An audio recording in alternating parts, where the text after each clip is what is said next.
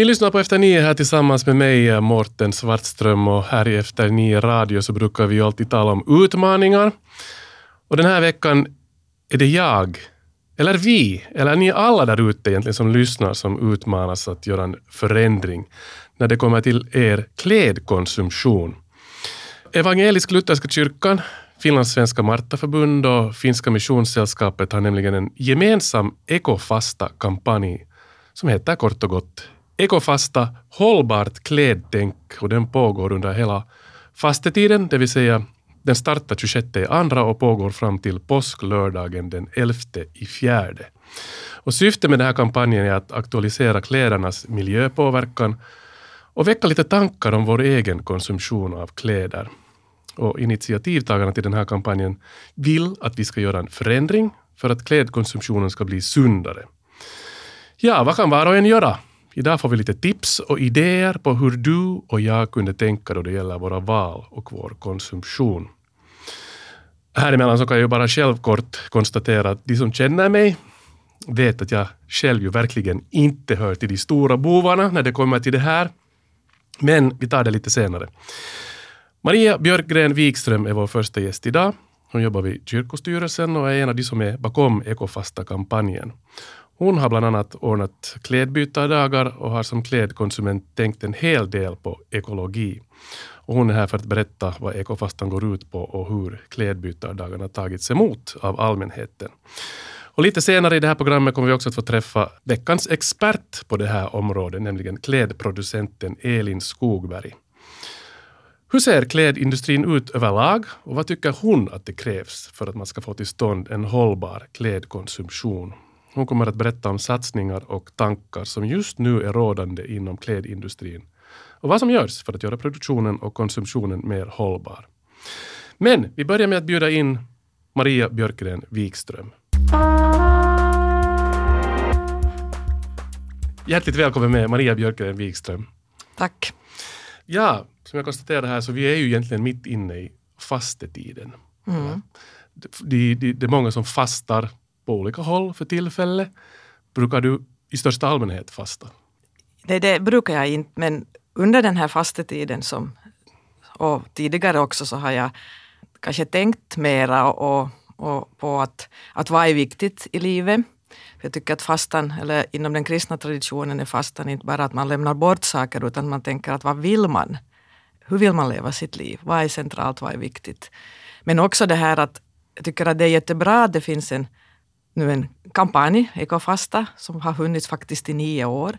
Och nu i år, som du berättade, så har vi det här hållbart klädtänk som tema. Det hade vi faktiskt i fjol också. Och då tycker jag det hjälper mig att fokusera på någonting eh, som jag vet att, att jag behöver tänka på och, och, och det där att hur, liksom lära mig mer om, om klädernas miljöpåverkan. Och, och sen tycker jag att det är en jättecentral del i den kristna tron och etiken att att vi inte bara talar om, om, om, om jorden och världen och skapelsen, hur viktigt det är, utan att vi tänker att vad kan vi själva helt liksom också som individer göra, fast det behövs göras också många politiska beslut, men de är ju inte motsatt med varandra. Så att, att jag har tänkt, tänkt mycket och nu den här fastan så, så, så har jag också inte, inte köpt några kläder utan mera funderat på att, att vad har jag och, och, och vad ska jag köpa om jag behöver någonting till nästa. Och sen finns det ju en, en andlig dimension i, i fastan. Det finns ju, fasta finns ju i alla religioner, alla världsreligioner. Vad jag har förstått i islam och i ramadan så, så, så är det ju jätteviktigt det här att man, man fastar för att man tänker sig in i en annan människas situation. Till exempel den som har, har lite mat. Mm. Och, och, och, då får man en större medkänsla. Och, och så jag tror att samma tanke finns också liksom inom den kristna fastan. Att man, man gör inte för att bli en bättre människa liksom inför Gud på det sättet och tänka att nu ska jag vifta med alla och berätta att vad jag har gjort. Och, och, det är inte det som det handlar om utan, utan, utan kanske mer tänka att, att, att vi människor liksom får se det så här att, att livet är en gåva mm. och att vi, vi är förvaltare och vi kan inte ta någonting för givet. Och, och, och, det här och det påminns vi ju nu i de här coronatiderna verkligen om. Precis. Och, och, och, det här, och att vi då skulle liksom tänka att vad betyder det att, att, att, att, vi, har, att vi inte ska hålla hårt om det vi äger och tänka mest på oss själva utan att hur, hur lever vi så att kommande generationer också har hopp inför framtiden. Så att mycket handlar det tror jag också om att när vi reflekterar så kanske vi också hittar eh, hopp tillsammans inför för framtiden. Mm. En av de största bovarna när det Mm. kommer till miljön är just kläder. Mm. Och det är ju det som vi talar om idag i och med den här Mm. ekofastan. Jag tänkte bara här emellan snabbt säga att om man vill ha mera information så finns det på nätsidan ekofasta.fi. Där Precis. kan man gå in och läsa mera. Men klädkonsumtionen överlag kanske Mm. mår bra av lite corona. Det där är Mm. hemskt att säga men det, det, Mm. folk kanske inte konsumerar lika mycket nu som, Ja. som de brukar göra. Och på tal om det, Maria Mm. Björkgren Wikström, hur, hur ser din egen klädkonsumtion ut sådär på ett personligt plan? Ja, no, jag, det här, jag, tänk, jag är ju, har växt upp på, jag är alltså 57 år gammal så jag har växt upp på 60-70-talet och var barn och ung på 70-talet. Och då fanns det ju ännu finländska kläder. Och jag växte upp i Karleby som är känd för att vara just en stad med Mallimari, Rukka. så att, och mina föräldrar var måna om, fast vi var många barn, att, att vi skulle liksom ha ordentligt kvalitet på våra kläder. Så jag hade haft alltid med mig det här att när man köper så ska det vara ordentligt och det ska helst vara inhemskt och bra kvalitet. Och, det där, och när jag själv blev förälder, då på slutet på 80 början på 90-talet, så, så var jag mån om att tänka när jag köpte, eller när vi köpte kläder för barnen, att de ska hålla och att de ska kunna ärva varandra. Och då på 80-talet var det ju ganska ovanligt med second hand, åtminstone där jag rörde mig. Vi bodde på, i Chimito, vid prästgården, min man är präst, så vi var där, där av den anledningen. Jag själv var lärare där på skolan och, och där fanns en missionsbod på prästgårdens gård. och där var vi ju flitiga kunder. Och då kunde man ännu på den tiden köpa barnkläder som var så bra kvalitet att fast någon annan hade haft dem så kunde alla våra tre barn ha dem och de gick inte sönder. Okej. Och, och jag skulle säga att jag har en sån känsla att våra barn nu som är vuxna så, så de, um, de hann växa upp, eller de var ju kanske i sena tonåren när det här till billig mode kom. Och när jag tänker på mig själv som konsument så, så det har jag försökt tänka att jag inte ska understöda. Och ha, och, men det, jag är ju också privilegierad, jag har arbete, jag har, och nu är, nu är barnen utflugna så jag har haft råd att köpa eh, bättre kvalitet eller tänka på att jag vill köpa naturmaterial och linne till exempel. Och, och att jag tittar och frågar varifrån det är. Och, och under vår tid i Borgå jag bodde med min man i Biskopsgården i Borgå i tio år. Och då, då fick Ja, jag ju de, på de flesta kanske har förstått att din man Björn Wikström alltså som är No, ja, men det, biskop, som, före detta biskop. det hade att göra med min klädkonsumtion på det sättet att jag, jag, jag hade ju en helt annan garderob där i Chimito. Uh, uh, på det sättet att inte behövde jag finkläder för tillfällen som man skulle vara mer än liksom skolkläder där jag jobbade. Så jag fick ju börja tänka om då att hur ska jag ha och vad vill jag, hur vill jag klä mig och, och, och det där. Och då, och då sökte jag upp ganska många små butiker i Borgå. Och, och, och jag tyckte att, att eller det kändes som att jag, att jag tänkte till mer att, att, att när jag köper så ska det hålla och det ska passa med olika saker. Och så ska det vara bekvämt. Och, och för jag har alltid varit så här funktionell. Och, och när jag var yngre så gick jag mest bara i sportkläder. Så en av mina släktingar sa när, när han fick höra att vi skulle flytta till Borgå till Biskopsgården så sa han att ja, hur ska, hur ska Mia hitta någon festklänning från Rukka? ja. Det är intressant det här med när du säger att, att köpa kläder åt, åt barn och, och speciellt ungdomar. Jag är själv mitt inne i den, i, Mm. eh, i den eh, perioden där mina, mina egna barn är ganska intresserade av det som är så att säga mode, Mm. trendigt. Mm. Och det är alltid svårt att föra de här diskussionerna. Det är inte alltid lätt. Eh, hur det? Jag kan tänka mig att det inte alltid var lätt för dig heller. Nej, men det som var intressant att, att då, då när, när mina barn och, och var i, i tonåren och, och i synnerhet vår dotter, så hon, hon väldigt tidigt så, så blev hon, före tror jag jag och min man blev medvetna om de här sakerna, blev hon. Och hon har fostrat oss väldigt mycket med loppis och, och, och, och hon har också då, jo, hon har gjort det. Och också våra, våra söner. Och, och det här så att jag tycker att jag har fått stor hjälp av henne. Också jag har en mycket yngre syster som det här som också var tidigt ute med att handla second hand. Och, och min mamma och pappa hörde till den generationen, de är döda nu sedan några år tillbaka, men att de sparar allt. Okej. Alla kläder från 70-talet och 80-talet. Och min syster började ganska tidigt använda mammas festklänningar. Så här riktigt, att jag märkte att, jag, att det tog längre för mig, att jag, jag kanske som tyckte att det var bra med loppiskläder som komplement, men när jag riktigt skulle ha någonting så köpte jag nytt. Mm. Och där tror jag att jag har kanske lite på väg åt rätt håll, men att, att det här, men jag märker just på våra ungdomar eller våra unga vuxna, så de, de tänker nog mycket på det här. Mm. No, det betyder ju att den här ekofasta äh, kampanjen Hållbart klädtänk passar dig utmärkt, skulle jag säga, Maria Björkgren Wikström, som är efter nies gäst idag. Och eftersom vi nu lite tangerar det här med mode och så vidare, så tänkte jag att kanske vi skulle passa på att bjuda in vår nästa gäst här i Efter nio. äh, veckans expert kan man väl säga. Hon är äh, klädproducent, Elin Skogberg, och hon, hon vet hur klädindustrin ser ut överlag. Och vi ska höra vad hon tycker att det krävs för att man ska få till stånd en hållbar klädkonsumtion. Vi ska välkomna henne in. Hjärtligt välkommen till Efter nio, Elin Skogberg. Tack jättemycket. Um, klädproducent. Ja, Skulle du vilja, jag vet att du också är vad heter det, kläddesigner och formgivare. ja stämmer bra. Men klädproducent, uh, skulle du vilja berätta om ditt yrke? Kortfattat kan man säga så att mitt klädintresse kom när jag var väldigt liten. Jag är helt tvärt emot Maria, så jag uppväxt i massproduktion. Och kläder fanns i överflöd. Och, och jag hade själv jättemycket kläder som, som ung tonåring. Um, och fick eh, mer smak och visste att jag vill studera kläddesign. Um, det är först under studierna som det här intresset för hållbarhet kom med i bilden. Och inte ens första året, måste jag erkänna. Utan hållbarhet var en, var en röd tråd under hela vår utbildning. Och jag tyckte nog att det var lite så här onödigt och jobbigt, om jag ska vara ärlig, ung som jag var. Um, men det är som med mycket annat, att ju mer man lär sig, eh, desto mer intresserad blir man. Och eh, jag fick upp ögonen för klädindustrin och märkte att jag vill inte vara en del av det här, så som det ser ut nu, hela massproduktionen. Så, så sakta men säkert började de här hållbarhetsfrågorna också eh, nästla sig in i mina värderingar. Och, och jag tog examen som, som formgivare i YH och startade eget företag och, och producerar kläder själv, i, alltså i egen studio i, Okej. i dagens läge. Och säljer via nätet. Så du är helt, eh, eh, är det bara du eller är, det, är ni flera som, som gör det här? Det är i princip bara jag. Min syster jobbar med mig eh, någon dag i veckan. Hon sköter främst pappersarbete och en massa diverse. Uh, men sen outsourcar jag vissa uppgifter. Så jag samarbetar med graderare i Sverige, som alltså kortfattat trollar fram flera storlekar. Uh, jag samarbetar med printföretag för att printa mönster, samarbetar med grafiska designers och på så sätt så blir vi ett team, även om det är bara jag i själva studion. Okej. Men, men eh, jag, jag nämnde ju här också mina egna barn som, som Ja.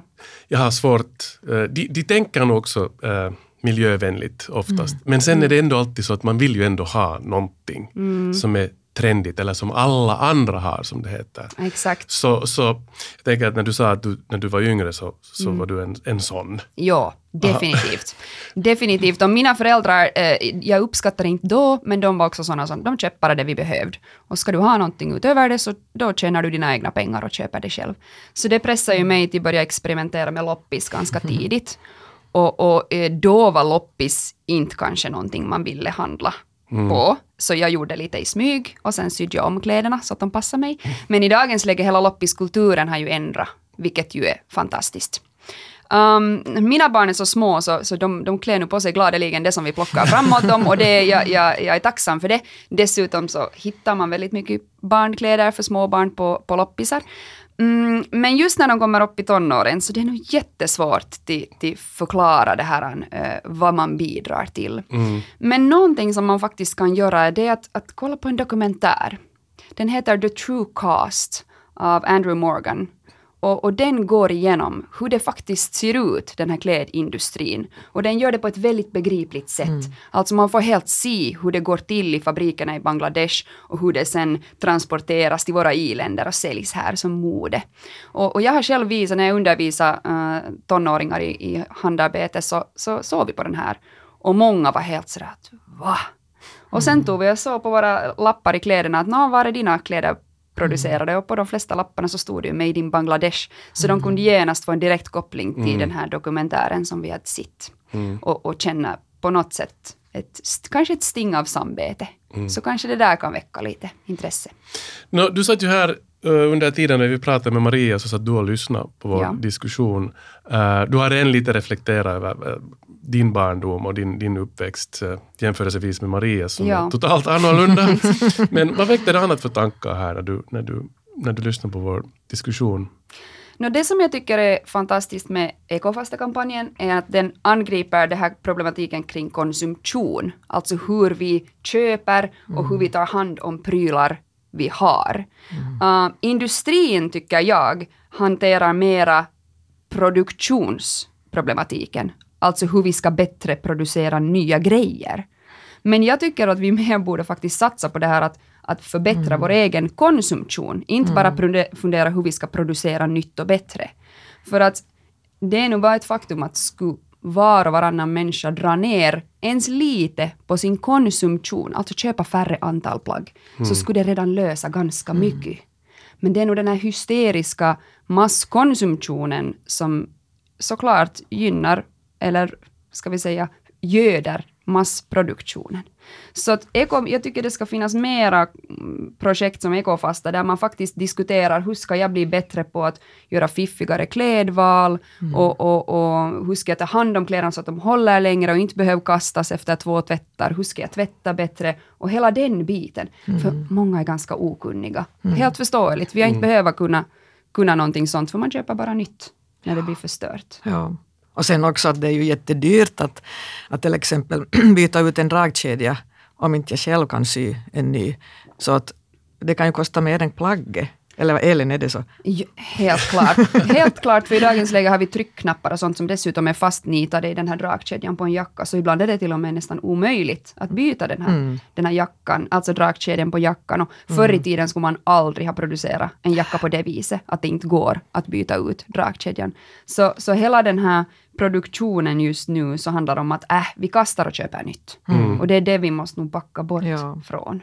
Och jag tycker det är jättefint att du tar fram det här just med vad vi som konsumenter kan göra och hur vi kan göra en, en ny, liksom, ska vi säga, eh, fundera över vårt eget sätt att konsumera. Att, att nu under Ekofasta-kampanjen så har vi sådana här sju utmaningar som vi har tryckt upp på kort och, och tanken var ju då att de skulle spridas, i, och de är spridda i församlingarna men nu kan man ju inte träffa varandra vid kyrkkaffen och så men, men det finns sju utmaningar för sju veckor i fastan och, och den första är precis det som du säger, undvik onödiga inköp. Och så står det att reflektera över din, dina favoritplagg innan du köper nytt och vad är det som gör att du tycker om dem? Exakt. Jag tycker det är ganska roligt att man också Mm. tänker att det, man kan ha en känslomässig relation till sina plagg. Ö, och, det där, eh, och när man har det så, så då kanske man vårdar dem på ett annat sätt. Det där håller jag jättemycket med om. Till och med om du har betalat lite mer för ett plagg så har du tendens till att ta hand om det bättre. Fast det inte betyder att produktionen av plagget är något bättre. Det kan ändå vara tillverkat i Bangladesh, men i alla fall att vi förlänger livscykeln på plaggen. Jag brukar ge, för att få in det där känslovärdet i kläder, så brukar jag säga att köp någonting när du är på resa, så förknippar du det med någonting liksom fint. Så att det tycker jag definitivt, att vi ska blanda in lite mera känslor i kläderna. Men, men tycker ni också att man borde... eh, du nämnde Maria att du, brukar, du brukar fråga varifrån någonting Ja. härstammar. Ja. Och, och, ehm, borde vi vara mera, som konsumenter, mera, eh, så att säga, fråga oftare varifrån någonting kommer. eh, hur ska man säga? Eh, protestera lite med fötterna, att, att vi inte, så att säga, köper allt det här och går med på allt det här. Och inte går med i den här gemensamma konsumtionshysterin. Att, eller, eller hur borde man göra för att, eh, att eh, få folk bort från den där? Finns det några enkla tips på hur man borde tänka? Definitivt att våga ifrågasätta mer. Um, tyvärr är det ju så att de här stora kedjorna så har många butiker och mycket personal. Det är oftast inte bara en som jobbar i butiken, utan flera samtidigt. Och de, har, de är väldigt dåligt skolade. Så ställer man en fråga där att hej, vet du var, vilka fabriker ni använder eller vet du något om det här materialet? De har ingen aning. Så att de har ju inte fått tillräckligt med skolning, de som jobbar för företagen, tycker jag. Där ser man en stor skillnad med, med mindre företag som faktiskt jobbar med hållbarhetsfrågor. Då brukar de ofta se till att personalen är mer insatt. Eller åtminstone svarar att hej, jag tar reda på och jag kan återkomma. Ja. Men de här stora kedjorna så, så eh, informationen går nu inte riktigt fram. Och näthandel är, är på det sättet krångligt i många frågor det här med skippande av och an, men där har man möjlighet att få fram mera information. För du behöver inte skola en hel personal, utan du kan skriva på nätbutiken all den här informationen så att kunden har, har det lättillgängligt. Så på det sättet kan näthandeln vara, vara mer informativ. Men våga ifrågasätta och våga ställa de här frågorna, för om de kommer gång på gång på gång på gång, så jag tror det ändå liksom, äh, sätter någonting i rullning. Det tror jag. Vad har ni fått för respons, Maria, Eh, för, för er ekofasta kampanj? No, vi har märkt redan att, att uh, jämfört med i fjol så har vi, redan när ekofastan hade varit en vecka, hade vi många som följde med uh, vad som, alltså i poddarna, lyssna på dem faktiskt. Och, och, vi har ju märkt, eller jag har ju märkt själv och andra också att nu till exempel stora medier som Helsingin Sanomat och andra, de har lyft det och i TVn finns det just sådana dokumentärer att unga designers, det finns någon sån serie, jag minns inte vad den heter nu, som åker till Myanmar och, och, och, och upplever de här mm. förhållandena som du berättade om att fanns i den här dokumentären. Uh, nu har vi fått mest positiv respons. Uh, det finns ju såklart också sådana, tyvärr, som kanske säger att vad ska kyrkan göra det här? Mm. Att ni, ni ska ju syssla med, med människans liksom relation till Gud, men jag tycker själv att det här är just det. Mm. alltså det är vår, vår, vår uppgift och vårt ansvar att vill vi vara trovärdiga som människor, som kristna, så det, här, det slår ju ut till exempel på de fattigaste och, och vår samarbetspartner Finska Missionssällskapet lyfter ju upp de här frågorna. De, deras samarbetskyrkor är i de länder där, där den här massproduktionen sker. Och, och, och, och de, får ju, de, de försöker ju där liksom just hjälpa till med att, att det skulle vara en värdig... Att liksom till kvinnor skulle få lån, mikrolån för att, att kunna sy och, och börja och liksom självproducera.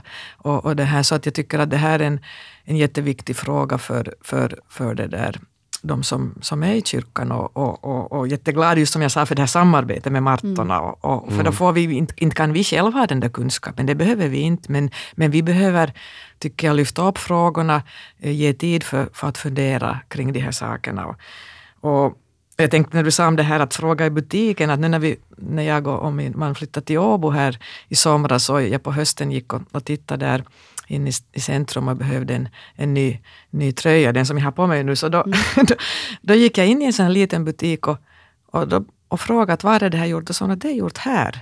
Mm. Att hon har här bakom sitter en, en kvinna och syr och att det här, den här tunikans bomull är no, ekologisk, hon visar att den kommer från Tyskland eller hon tar in.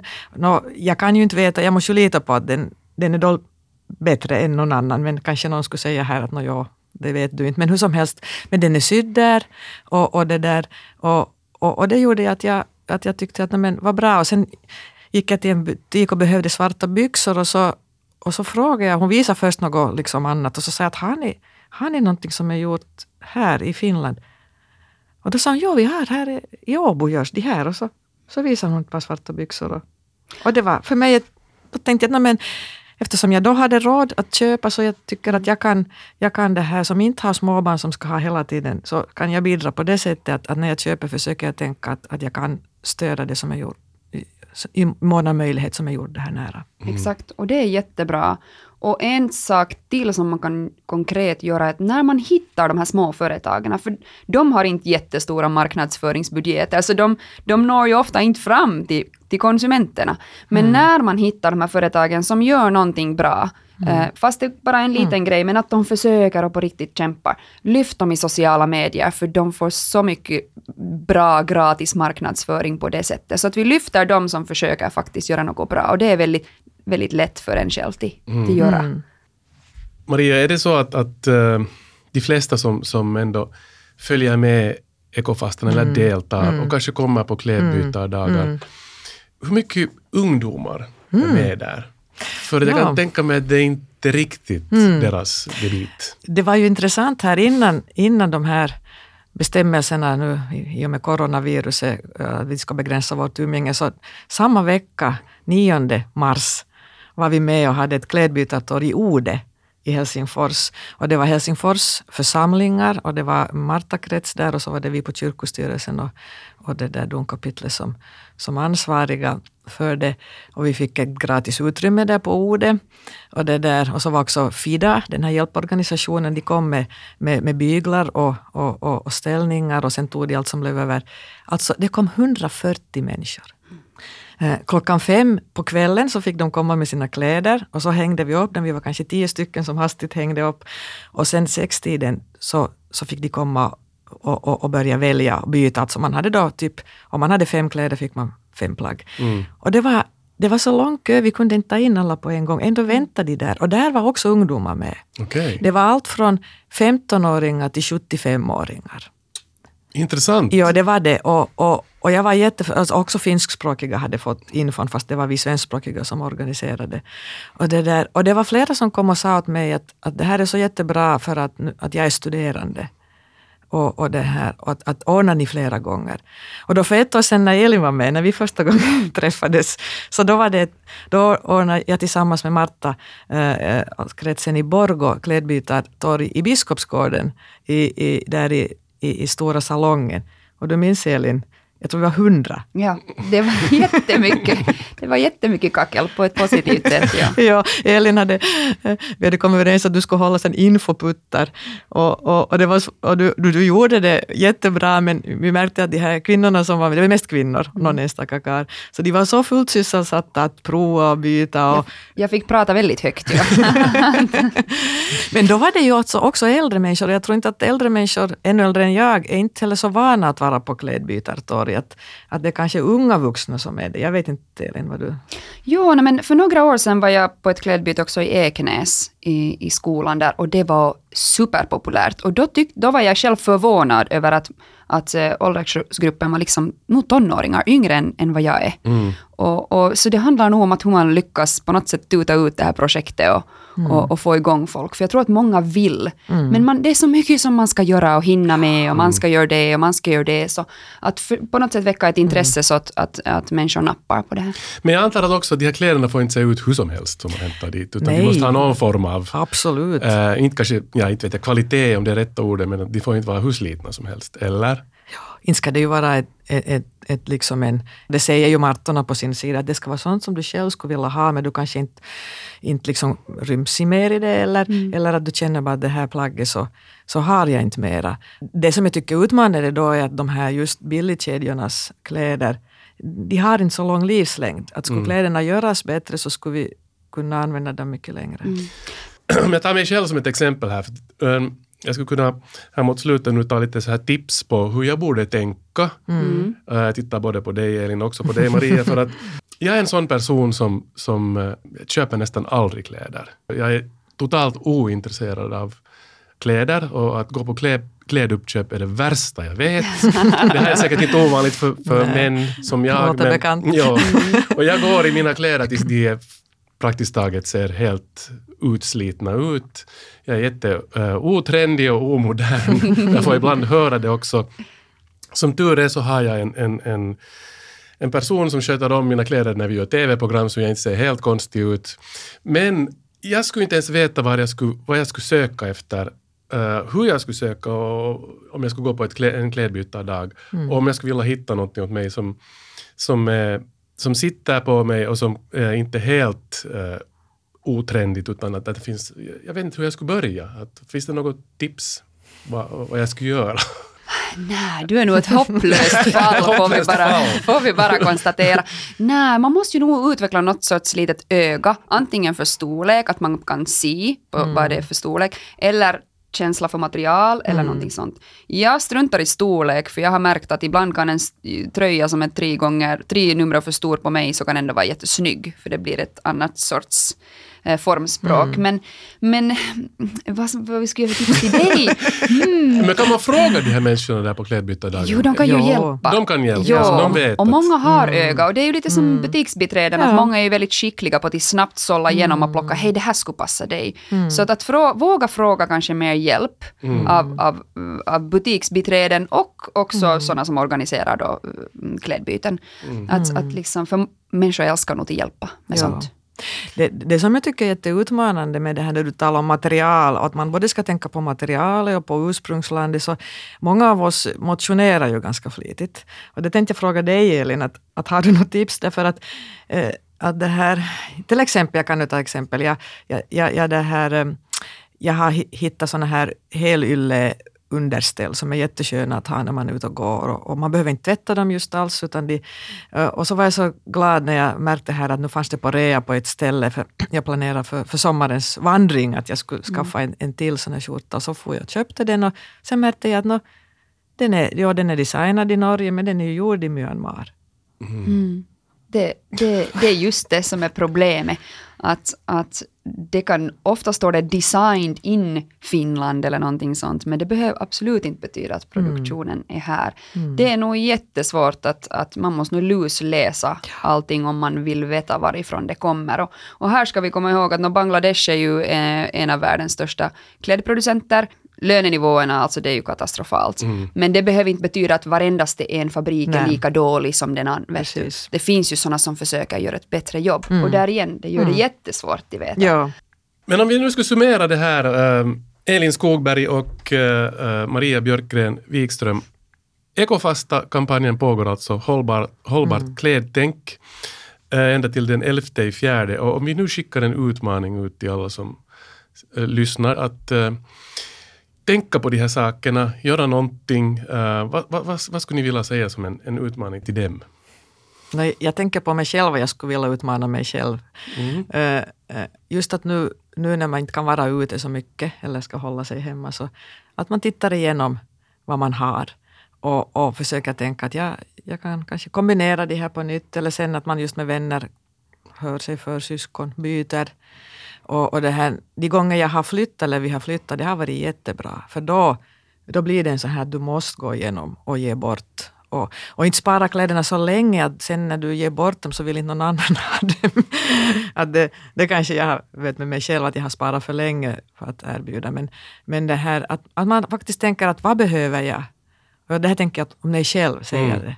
Så att, att, att jag inte på något sätt ett föredöme här, men, men för att jag tycker om, om, om kläder. Så att då är det viktigt att jag säger att vad, vad behöver jag? Mm. Mm.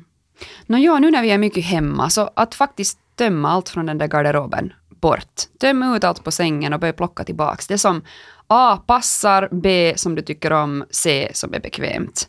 Eh, ganska mycket blir kvar på sängen, kan jag lova. Min, min man är mitt i den här processen och vi har nu, tamburen är full med kassar med kläder som ska skänkas vidare. Så att uh, ta tiden till att organisera upp och jag tror när man analyserar sin egen garderob så kommer man fram till ganska enkla saker som man bara inte har reflekterat över förut. Att, aj ser du, jag tycker inte om orange. Att det är därför den har, alltså det, det låter banalt, men det är ofta så det är. Att man köper på sig sånt som man egentligen kanske inte ens tycker så hemskt mycket om. Det blir mm. en sorts, på någon, någon form av konstig rutin. Eller jag har åtta vita t-skjortor, bas-t-skjortor, för man har hört att man ska köpa basplagg. Men jag går aldrig med vita bas-t-skjortor. Vad gör jag med åtta stycken då? Det där får man ju väldigt lätt testa. Om man har de kläderna som hänger så kan du vända, vända galgen fel väg. Så häng in dem med galgen fel väg. Och, och sen när du har använt så får du svänga den rätt. Och då ser du ganska snabbt att hej, här är många galgar som ännu är fel väg efter ett halvt år, ett år. Precis. Mm. Och liksom varför och kanske mm. ge dem vidare till till en kompis på ett hemmaklädbyte. Mm. Mm. Bra tips. Tack för det här, Maria Björkgren Wikström och eh, Elin Skogberg. Och eh, Ekofastan som sagt pågår ända till den 11 fjärde. Om man vill ha mera information så ekofasta.fi. Det är bara att gå in och läsa mera. Ni har lyssnat på Efter nio här tillsammans med mig, Mårten Svartström, och vi är tillbaka igen nästa vecka med nya gäster och nya utmaningar. Vi hörs.